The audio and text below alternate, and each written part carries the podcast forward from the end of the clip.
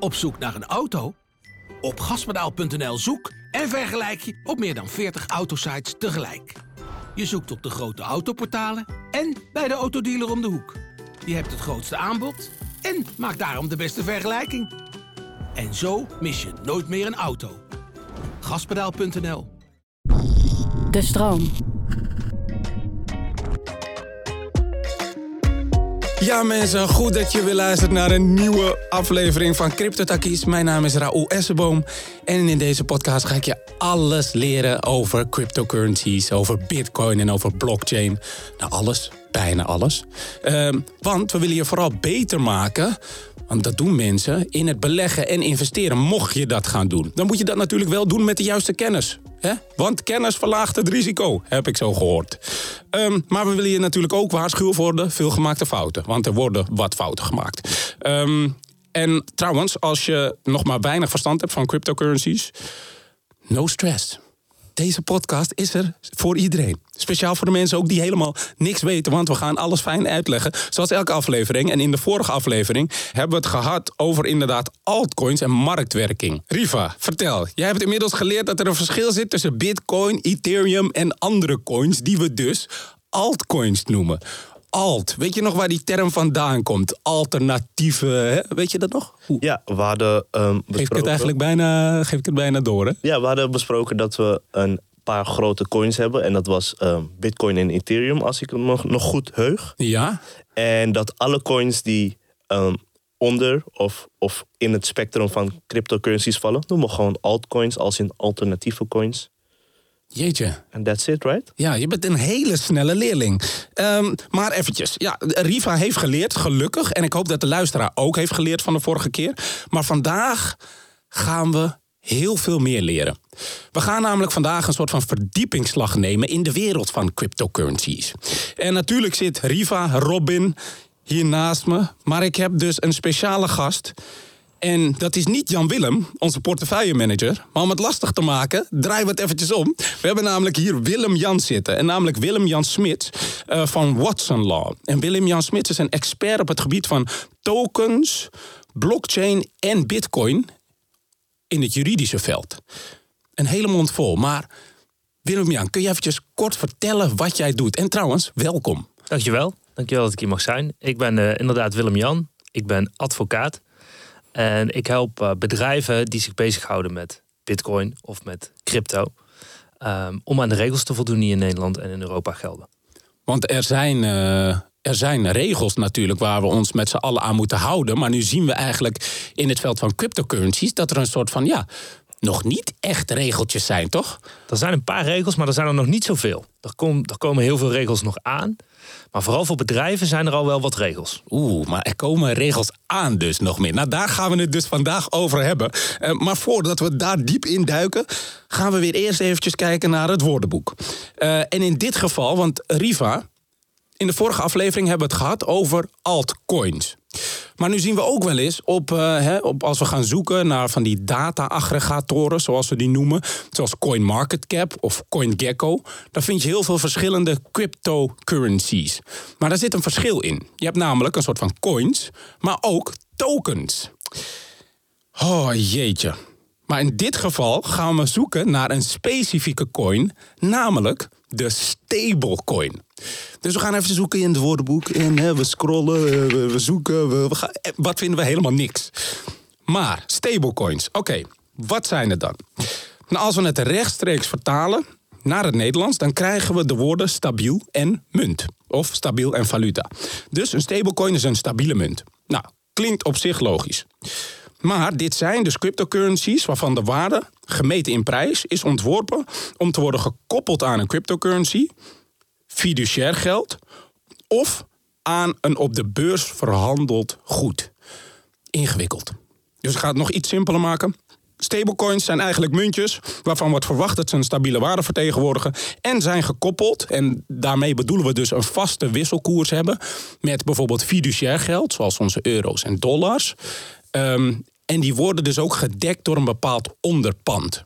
En dat kan dus ook nou ja, die euro zijn. Maar het kan bijvoorbeeld ook onderpand zijn in de vorm van goud. Wat natuurlijk wel ja, iets meer risico met zich meebrengt.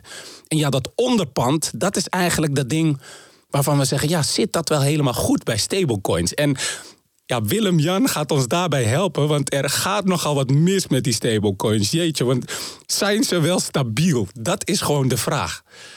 Ik zag een tweetje van Alexander Klupping. En die tweette. Ondertussen is een stablecoin, die niet zo stable blijkt te zijn, helemaal in elkaar geklapt. Ja, Willem-Jan, over welke stablecoin heeft Alexander het? Alexander heeft het hier over de UST. Ja? Niet te verwarren met de USDT. Ehm, dat is een stablecoin. eh die is gekoppeld aan het Luna-protocol. En daar zat heel veel waarde in. Eh, die stablecoin had de bedoeling om geperkt te zijn aan 1 dollar. Dus de waarde te hebben van 1 dollar. Maar er is iets misgegaan met dat protocol. En als gevolg daarvan is eh, alle onderliggende waarde verdampt. En is die waarde van de munt heel erg veel afgenomen. En dat is erg, eh, omdat er best wel veel mensen zijn die hun spaargeld daarin hadden. Of daar op een andere manier aan blootgesteld waren. En die zijn eh, dat geld, die waarde, zijn ze verloren. Jeetje. En je, gaf al aan van er is een bepaald protocol. Maar, maar wat is dan voor de mensen eh, die luisteren, ja, wat is dan een protocol? Nou, een protocol is een manier om de waarde gekoppeld te krijgen. Er, zijn, er is een aantal manieren voor. Er zijn verschillende soorten stablecoins. Ehm, dus bijvoorbeeld, dat kan door eh, daadwerkelijk de dollars op een bankrekening te zetten. En tegen iemand te zeggen: als jij mij die eh, token teruggeeft, krijg je van mij een dollar. Maar het kan ook ehm, eh, op andere manieren. En hier gebeurt het op een andere manier. Dus een protocol is dus eigenlijk een soort van afsprakenstelsel. Een afsprakenstelsel waarin je gaat bepalen wat er wel mag en wat er niet mag. En wat eigenlijk de, de regeltjes zijn eh, van in dit geval het ecosysteem. Precies. En nou, daar zijn er regels voor dat ecosysteem. En had je het ook over een bepaalde peg die er is bij stablecoins. Daar wil ik straks nog eventjes op terugkomen wat dat nou precies is. Ehm, want we hebben het nu gehad over heel kort stablecoins. En daar komen we straks ook op terug.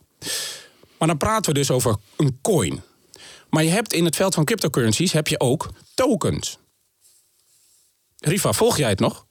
Ik volg het nog een klein beetje, maar ik weet alleen dat er een duidelijk verschil is tussen, of nou, een verschil is tussen een coin en een token. Alleen ik kan het onderscheid moeilijk maken. Want ik heb ook het gevoel dat iedereen zo ehm, vaak omwisselt met elkaar. Dus één dag hoor ik een coin, een andere dag hoor ik een token. Ja, en ik, ik begrijp dat. Ik, ik heb datzelfde eigenlijk gehad. Ehm, dus we gaan het nu proberen, Willem, Jan en ik, dat kort uit te leggen.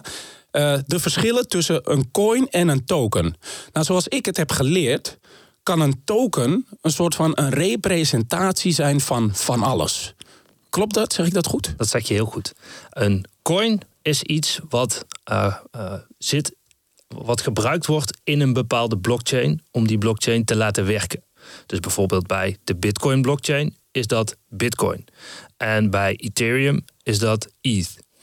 Ehm, dus die bepaalde coin zit in het protocol van eh, eh, die betreffende blockchain. Een token is niet gekoppeld aan de blockchain, maar kun je eh, eigenlijk als het ware daarbovenop nog uitgeven. Dus één specifieke blockchain heeft één coin, maar kan 10 of 100 of 1000 tokens hebben. En de Bitcoin blockchain heeft geen tokens, maar want die heeft maar één doel, zoals Bart de vorige keer zei. Dat is een vork. En die wordt maar voor één ding, voor één ding gebruikt, namelijk als geld. Maar Ethereum eh, is meer een zakmes. eh, bedoeld om een eh, soort gedistribueerde computer te zijn. Dus op die blockchain kun je kleine computerprogramma's draaien. En in zo'n computerprogramma kun je een token uitgeven. Jeetje, dit, ik vond dit een hele mooie analogie ook. Hè? Een vork en het zakmes. Zwitsers zakmes, hè? Het- Ja, het Zwitserse zakmes. Want wat, wat, wat kun je allemaal vinden in zo'n zakmes? Nou ja, een vork dus. Ja, een maar vorkje. ook een mes. Maar ook een mes? eh, een, eh, Een schroevendraaiertje? ja. Ja. Soms een vuiltje, als je geluk hebt. Als je heel luxe gaat, een nagelknipper. Dus weet je, Een loop zit er soms in. een, een loop, als je geluk hebt, ja, dan moet je wel echt de dure, Dan heb- dan heb, je dure zakmes te pakken. Dit is de Padvinders podcast geworden. Nee, maar ik, ik, vind het echt, vond het echt een mooie analogie. Dus eh, om dat eventjes samen te vatten. Je hebt dus een, een coin die wordt gebruikt dus op een specifiek protocol. En een token kan eigenlijk gebruikt worden. Het is een soort van representatie van van alles. En die kan bovenop dat protocol ook nog eens gebruikt worden. En je gaf aan, nou, dat kunnen er heel veel zijn. Op een protocol kunnen tientallen tokens dus worden gebouwd. Maar dat is maar één coin. dus er is maar één bitcoin en er zijn 21 miljoen tokens. Zeg ik dat goed? Of, Nee, dat zeg je niet goed. of hoeveel miljoen was het? Er zijn 21 miljoen bitcoins die er in totaal gemined kunnen worden. Eigenlijk ietsje minder dan 21 miljoen, want we hebben te maken met miners fees. Maar afgerond 21 miljoen. Oké. Maar in relatie tot die tokens, want daar gaan we het vandaag over hebben. We hadden het erover, de cryptocurrency wereld is aan het veranderen. En jij als advocaat hebt natuurlijk ja, een soort van, eh, ja, je gespecialiseerd in de wet. En nou komen er ook regeltjes aan voor de hele cryptocurrency wereld in de vorm van MiCA. Dat staat namelijk voor Markets in Crypto Asset Regulation. En ik heb dat stuk gelezen. Potverdorie, wat saai. Dat was pittig. Ja, oh jeetje. Daar heb je je niet mee vermaakt. Heb ik me helemaal niet mee vermaakt. Maar ik kan het wel iedereen adviseren om dat ook te doen. Eh, maar daar las ik dus over. Asset Referenced Tokens en E-money tokens. Als een beschrijving van stablecoins. Ja, mensen, weet je, Riva, volg jij het nog? Heel veel woorden kwamen uit je mond, maar ze betekenden niks voor me. Nou, precies. Oké, dus vandaag willen we eventjes een uitleg over wat Mika is. Willem-Jan, Mika, Yes. wat houdt het in? MiCA is een pakket eh, regelgeving wat vanuit de Europese Unie eh, eraan komt en die eigenlijk in één keer de hele cryptocurrency markt gaat reguleren. Dus dat betekent dat in heel Europa regels komen voor alle cryptocurrencies en alle mensen die met cryptocurrencies te maken hebben, mensen en bedrijven. Um, even een andere vraag, maar ik weet ook dan, hoe zit het bijvoorbeeld als ik dan met mensen ga verhandelen die in Amerika zitten? Is dat ook dan een probleem of, of stel ik nu een hele moeilijke vraag? Nee hoor. Eh, MiCA is, wat ik zei, eh, geldt in Europa. Dus dat is eh, eh, voor alle Europese Unielanden. En het geldt niet voor Amerika. Dus daar gelden weer andere regels. Ehm, en in een ideale wereld zouden overal dezelfde regels gelden op dit gebied. Omdat het, nou ja, de cryptocurrency-markt een wereldwijde markt is. Maar ja, landen komen niet zo goed met elkaar overeen dat dat, dat, dat kan. Oké, oké. Oké, dus Mika heeft tot het doel het schetsen van het Europese kader voor de uitgifte en handel van verschillende soorten crypto-tokens. En dat willen ze dan gaan harmoniseren als onderdeel, heb ik begrepen, van de eh, Europe Finance Strategy. Ja, dat is een hele mond vol. Ja, Ja, dat, dat, dat, dat- dat- dat- eh, in Europa is er een bepaalde strategie voor digitale finance. En daar eh, zijn cryptocurrencies een onderdeel van. Ehm, en dus het onderdeel van dat hele pakket, dat is MiCA. Eh, en dat gaat, eh, dat gaat de cryptocurrency-markt reguleren. oké. en, en hoe belangrijk is dan die eh, regulatie? En wanneer kunnen we dat gaan verwachten? Nou, die regulatie is superbelangrijk. Want op dit moment zijn er eigenlijk nog geen regels. Ehm, en dat betekent ook dat er heel veel risico's zijn voor mensen die cryptocurrencies kopen of daarin investeren. Ehm, en met Mika komt er in één keer heel veel regels. Eigenlijk een beetje regels die vergelijkbaar zijn met eh, de regels die gelden voor aandelenbeurzen. En dat is heel goed, want dat betekent dat eh, eh, consumenten beschermd worden. Ehm, en dat, dat bedrijven zich aan regels moeten houden. En niet zomaar alles mogen doen. En je zegt bedrijven. En nou heb ik een soort van begrepen. Ehm, dat er dan gedoeld wordt op één specifiek bedrijf vanuit Europa. Want wat ik heb gezien eh, is, ik, ja, zitten al, ik zit al een tijdje in die cryptosector. En op een gegeven moment toen kwam dat hele ding van stablecoins kwam ter sprake. Ik denk zo rond 2017, 2018. En toen was er één specifiek bedrijf dat zei: wij willen ook een stablecoin gaan uitbrengen. Of een stable token, of hoe ze het noemden. En eh, welk bedrijf is dat? Dat is het bedrijf Facebook. Ja, Facebook, tegenwoordig Meta. Meta, maar toen de tijd Facebook, gaf aan van ja, wij willen ook een stable gaan uitbrengen. Of in elk geval een soort van manier waarop mensen gemakkelijk betalingen kunnen gaan uitvoeren op ons platform. En volgens mij was dat de trigger voor Europa om een soort van nieuwe regels te gaan maken. Klopt dat of zeg ik nu gekke dingen? Nou, die zegt helemaal geen gekke dingen. Volgens mij is dat ook zo. Ehm, Europa, daar zitten natuurlijk heel veel ambtenaren. Dus die schrijven dat allemaal wat, uh, wat wollig op.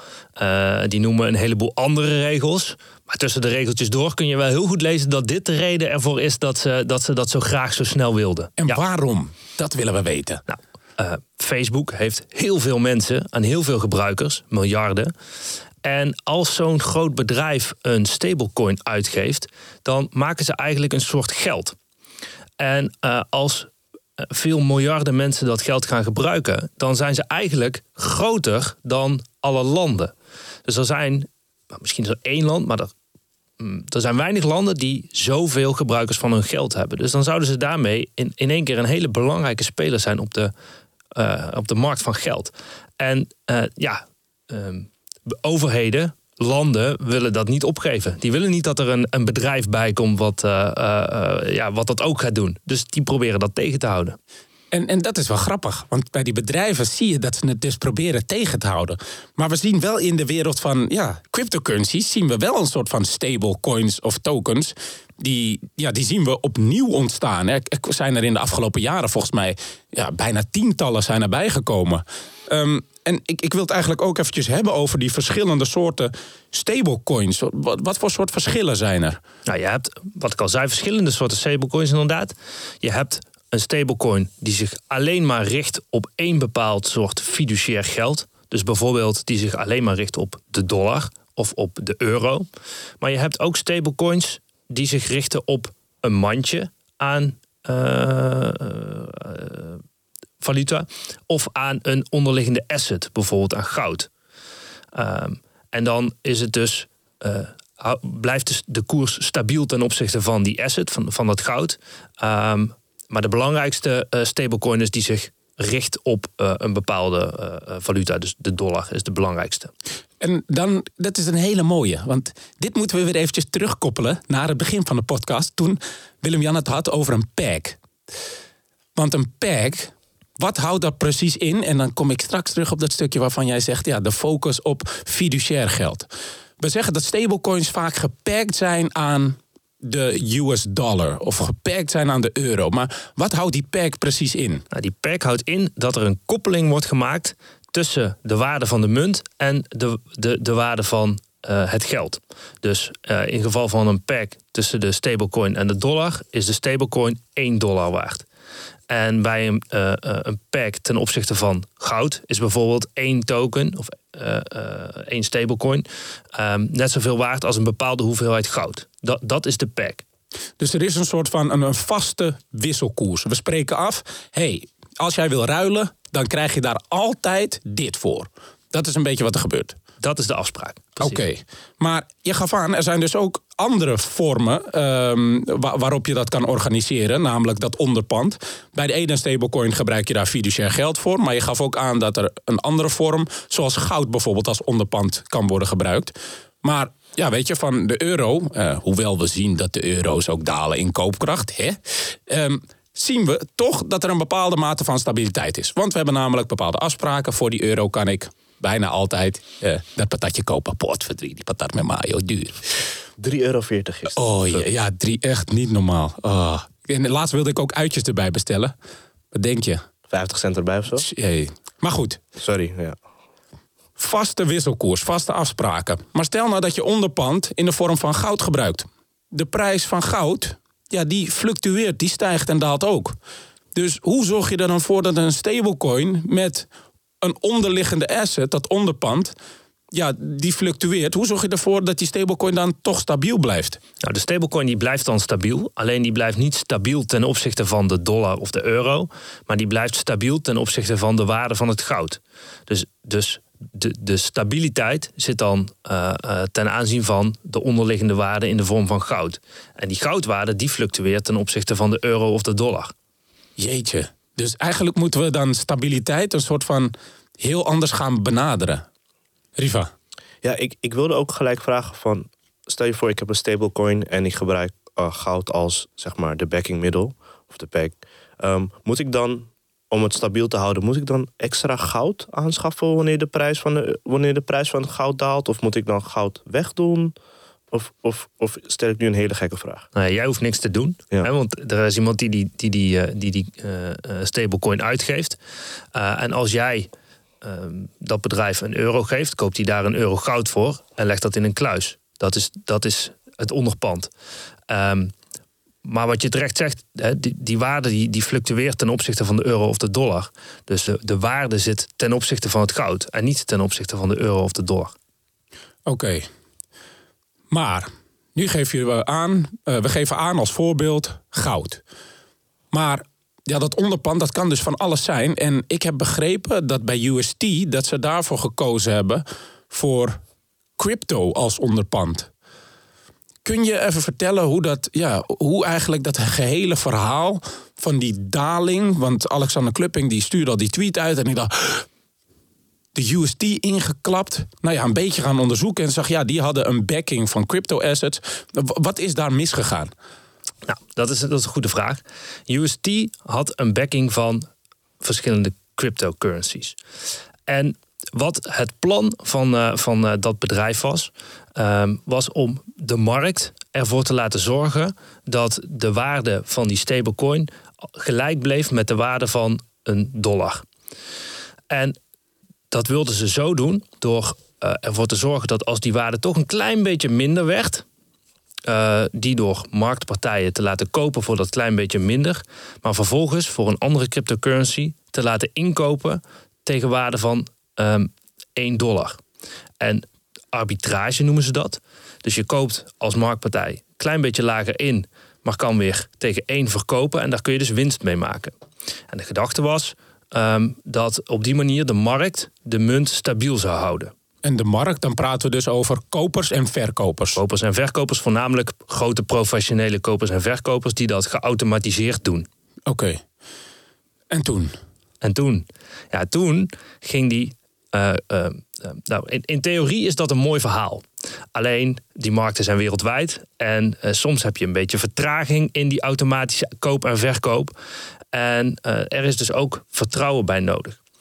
Mensen kwamen erachter dat er toch wel een, groot, wat groter verschil begon te, begon te ontstaan tussen de, de waarde van eh, de UST en de 1 dollar. Dat gat werd een beetje groter en mensen werden daar een beetje zenuwachtig van. Dus die gingen toch maar eh, wat meer van die tokens verkopen. En dat ging zo snel op een gegeven moment dat de marktpartijen niet meer dat, eh, eh, dat arbitragemechanisme konden gebruiken. Dus wacht even, eventjes om te onderbreken. Dus mensen gingen omdat ze door hadden dat die waarde van die UST ten opzichte van de dollar aan het verminderen was, gingen ze hun UST-tokens verkopen. Ja. Oké, Ze gingen ze verkopen en daardoor eh, ging, omdat het aanbod toenam, nam de waarde af. Eh, dat is de vraag van, van, van, van vraag en aanbod. Ehm, en omdat steeds meer mensen dat zagen, eh, eerst werd het een beetje gefluisterd in de markt, toen werd het nog wat harder gefluisterd, toen werd er over gesproken en toen werd het heel hard geroepen.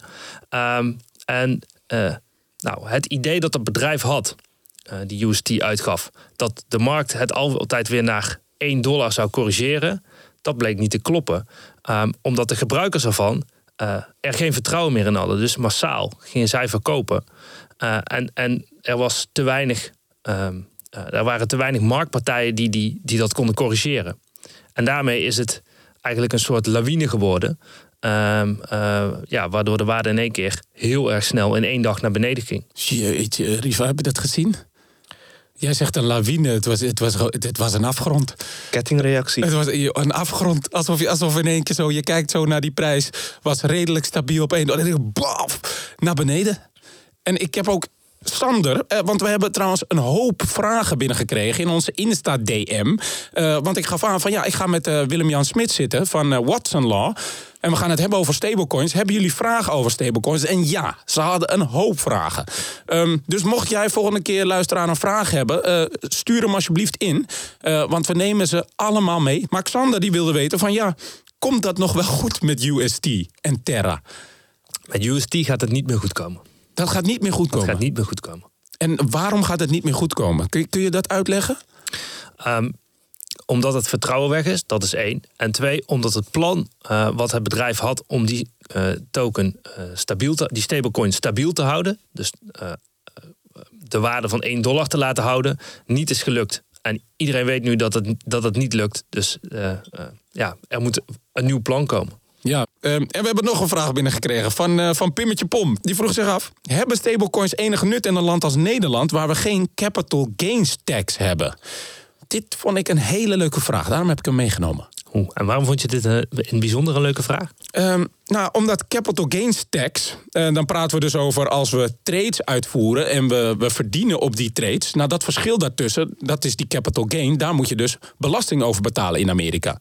Maar hoe zit dat in Nederland? Als je uh, crypto uh, hebt, als je cryptocurrencies hebt, dan vallen die in box 3 van je belastingaangifte. En in Nederland werkt het zo dat je niet belasting betaalt over het daadwerkelijke rendement wat je maakt, maar je betaalt belasting over een fictief rendement. En dat betekent dus dat of je nou min 5 of 0 of plus 5 uh, uh, winst of verlies maakt, je betaalt altijd een vast bedrag over de waarde van, het, uh, van jouw vermogen op, op 1 januari. Dus of je over, over een jaar heel veel of heel weinig eh, winst maakt of zelfs verliest, dat maakt niet uit. Je betaalt gewoon een percentage over het bedrag wat je op 1 januari hebt. Oké, okay, en dan in relatie tot stablecoins, want dan Pimmetje Pom vroeg zich af, hebben stablecoins dan enig nut in Nederland? Stablecoins hebben, hebben zeker nut. Um, um, omdat je uh, daarmee op internet in Web3, Web3 um, betalingen kan doen. En zoals Bart al heeft uitgelegd, um, is ons betalingsverkeer heel, heel, heel, goed, maar dat is in Nederland. En zodra het over de landsgrenzen gaat, zodra het naar ver weg gaat, ja, werkt het veel minder. Oké. Nou ja, ik kan me voorstellen dat Pimmetje Pomp denkt van ja, hè, want we willen allemaal uh, geld verdienen. en dat wil de overheid natuurlijk ook in de vorm van belastingen. En die capital gains tax is natuurlijk een super groot voordeel voor denk ik, de overheid, omdat ze ja, dan handiger kunnen meten wat de influx is geweest van bepaald kapitaal. Denk ik zo. Mm, ja, maar of je nou um, uh, je, je, vermogen hebt in stablecoins of in bitcoin of in goud of in euro's op je bankrekening, dat maakt niet uit. Oké, okay. goeie. Nou had ik nog een vraag van Nicole. Nicole, super bedankt. Wat zijn de kenmerken dan van een goede stablecoin? Ja, dat is een hele goede vraag de, de, de kenmerken van een, eh, van een goede stablecoin zijn natuurlijk als allereerste dat hij de waarde houdt ten opzichte van waar die tegen gepakt is. Dus dat wat USD, wat USD in ieder geval niet was. Um, en verder is, uh, is het eigenlijk zo dat er um, de, de uitgever van een stablecoin moet gewoon heel erg duidelijk zijn over wat de stablecoin is en waarom die stablecoin waarde heeft. Uh, de meeste stablecoins hebben waarde omdat er uh, een onderpand is. Laten we USDT als voorbeeld nemen. Dat heeft waarde omdat er dollars in onderpand zijn. En een goede stablecoin laat heel erg duidelijk zien waar die dollars zijn, op welke bankrekening die, zijn, die staan. En die laat ook heel duidelijk zien door een, een uh, uh, rapport van een accountant. Uh, die zegt: Oké, ik heb het gecontroleerd. Ik heb de bankafschriften gezien. En ik zie inderdaad dat daar de dollars op staan. Die gezegd, waarvan gezegd wordt dat die aangehouden worden. Dus transparantie. Dat is eigenlijk het toverwoord voor een goede stablecoin. En is transparantie dan ook een soort van het toverwoord uh, in Mika? Ja, dat zeg je heel goed. Uh, de, achter, de achtergrond um, van, uh, van Mika is dat uitgevers van stablecoins hebben een vergunning nodig. Dus die moeten transparant zijn ten opzichte van de toezichthouder. Maar ze moeten ook een zogenaamd whitepaper uitgeven. Waarin ze precies uitleggen wat het plan is en hoe ze die stablecoins stable houden. Um, en dus transparantie geven aan de gebruikers daarvan. Ja, want het, het leuke is dat in Mika. Um, ja, het, er, komen regels aan. Dus Mika geeft aan. Er komt bepaalde regulering aan. En dat biedt dus bepaalde kaders. Um, die kaders die worden vaak een soort van geïnterpreteerd als. Oh, dat zijn limieten. Um, maar ik vind dat in Mika dat ze ook aangeven van ja, we zijn ook aan het kijken naar de kansen die de cryptocurrency wereld een soort van ons kan bieden in Europa. Wat zijn dan mogelijk die kansen waar ze het over hebben gehad in Mika? Wat, wat, wat kunnen cryptocurrencies nou toevoegen dan? Um, nou, cryptocurrencies die, die, die, die, die, die bieden een hele nieuwe mogelijkheid om internet te gebruiken. En ehm, Europa liep een beetje achter uh, als het op internet aankwam uh, op Amerika. Uh, maar de kans die eraan komt is dat als we internet weer een beetje gaan vernieuwen met cryptocurrencies, dat we dan wel bijblijven. Dus dat is de kans die we met z'n allen zien. Bijblijven dus. Bijblijven. Bijblijven, Rika. Riva, ben je er nog bij? Ik ben er nog bij, zeker. Je moet wel bijblijven, dat heb je nu net gehoord. Oké, nou weet je wat? De laatste vraag dan. Want we hadden nog één vraag van Casper. Casper, ook bedankt voor uh, het stellen van deze vraag. Willem-Jan, waarom denk jij dat er zo weinig euro-stablecoins zijn? En er gaat ook aanzienlijk minder kapitaal in om. Dat is een hele goede vraag. Um, er zijn heel veel dollar stablecoins. En dat komt omdat de, uh, Amerika een heel erg belangrijk land is. En ook voor cryptocurrencies een heel erg belangrijk land is. Omdat de Amerikaanse markt beetje voorloopt en heel groot is. En daarom worden heel veel cryptocurrencies uitgedrukt in dollars. Dus de koers van een cryptocurrency wordt uitgedrukt in dollars. Het is dan ook handig om een stablecoin te hebben die ook in dollars is. Dat rekent makkelijk, maar um, het is ook zo dat je dan niet te maken hebt met het verschil in wisselkoers, verschil in waarde, uh, tussen de dollar en de euro. Dus als jij uh, een. Uh, met elkaar afspraken maakt over, uh, over uh, een bitcoin of over een ether, dan is die afspraak vaak in dollar. En als je dan in euro gaat betalen, ja, dan, dan, loopt dat, dan kan dat uit elkaar lopen. Ja, ja, we willen dus eigenlijk ervoor zorgen dat het allemaal een beetje smooth verloopt. En daardoor is hè, een USD stablecoin of USDT stablecoin in dit geval misschien handiger. En er zijn meerdere. Wat, hoeveel varianten heb je in, uh, in, uh, in de dollar? Je hebt USDT. USDC. USDC. Uh, Binance heeft een stablecoin. Oh, ja. BUSD. Ja. Dus ja, jongens, we kunnen ons geluk bijna niet op. Zou er zomaar tien kunnen zijn? Zouden er zomaar tien of meer kunnen zijn, zelfs Riva. Nou, um, ik denk dat het handig is, Riva als we eventjes gaan bellen met Jan Willem. Want we hebben dus gezien dat UST is ingestort. En we dachten, ja, misschien is het handig om soms ook een beetje. Hè, naast je investeringen een beetje een paar dingetjes stabiel te laten zijn. Maar... Ja, uh, het gaat een emotioneel gesprek worden, maar let's go. Oké, okay, let's go.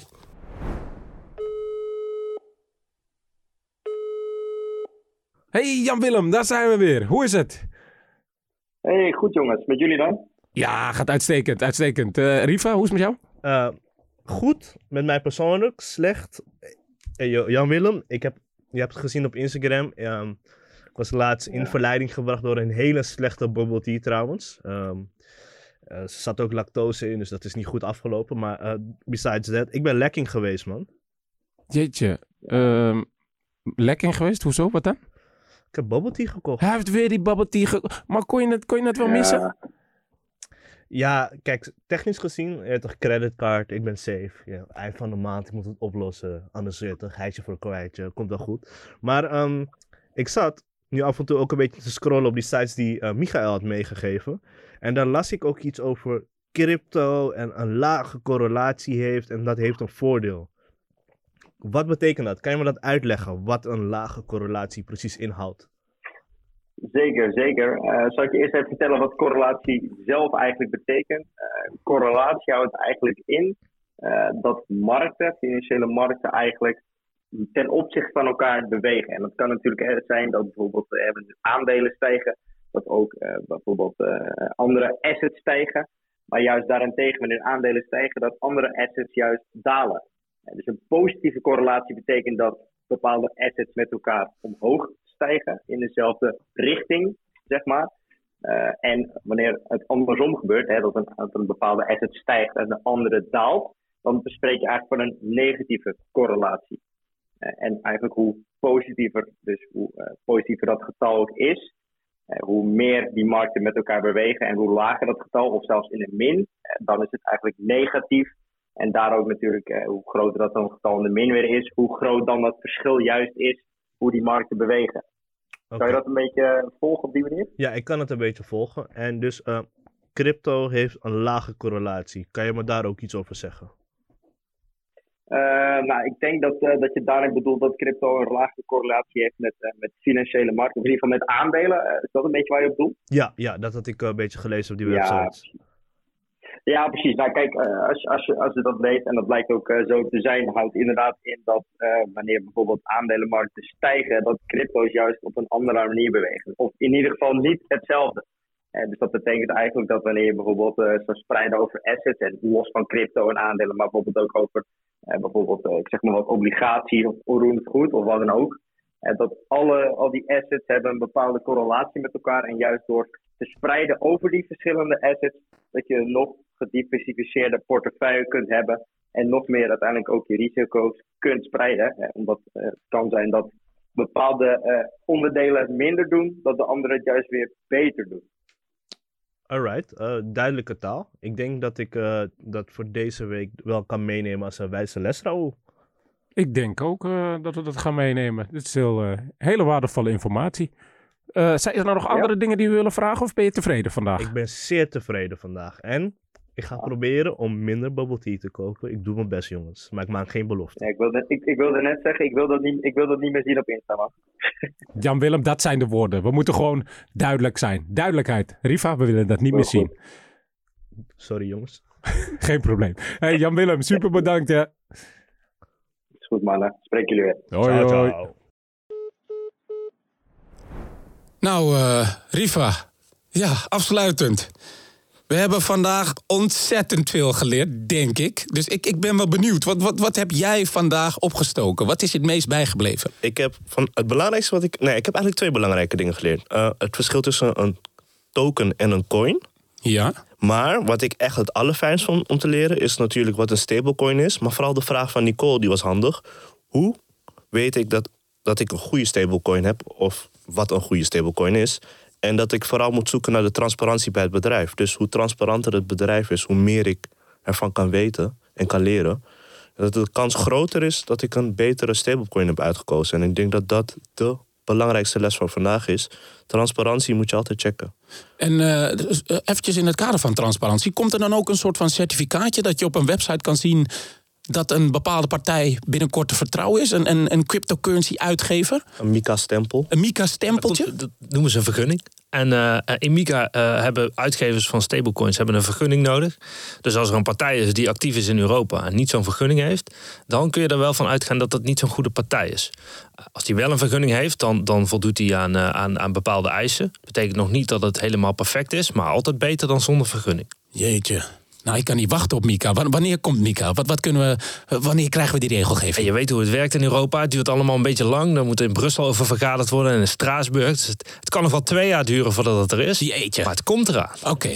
Nou, twee jaar. Riva, dus even het, eh, twee jaar tandenbijten. Ja, ja dat eh, twee jaar spannend. Twee jaar heel spannend. En daarna, na die twee jaar, wat dan?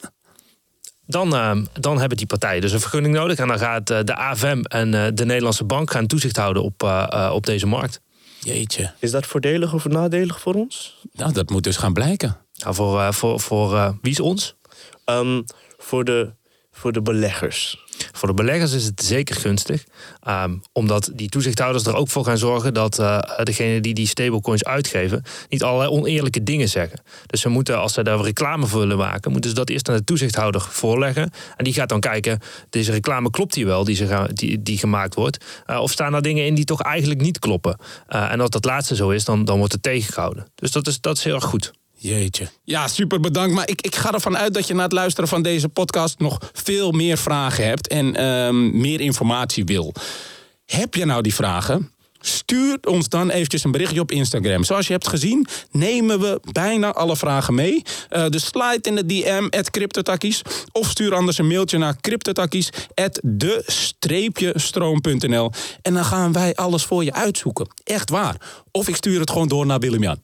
Dat mag altijd. Dat mag ook altijd, hebben we dus gehoord. Ja, Willem-Jan, ehm, super bedankt voor je komst. Eh, en eh, ja, Riva, jij natuurlijk ook. Je, je hebt weer uitstekende vragen gesteld vandaag. Thank you, thank you. Ehm, mensen, tot over twee weken. Dan is er weer een nieuwe episode van CryptoTakkies. Ehm dan gaan we het trouwens hebben over NFT's. Want je hoort er superveel over, maar wat zijn het eigenlijk? Oeh. En trouwens, vergeet CryptoTakkies niet te volgen in je favoriete podcast-app. En gun ons die vijf sterren. Bless ons met die vijf sterren. Vijf, vijf sterren. Willem-Jan, thank you very much for coming. Zeker. Dankjewel dat ik er mocht zijn. Riva, we out. Ciao, ciao.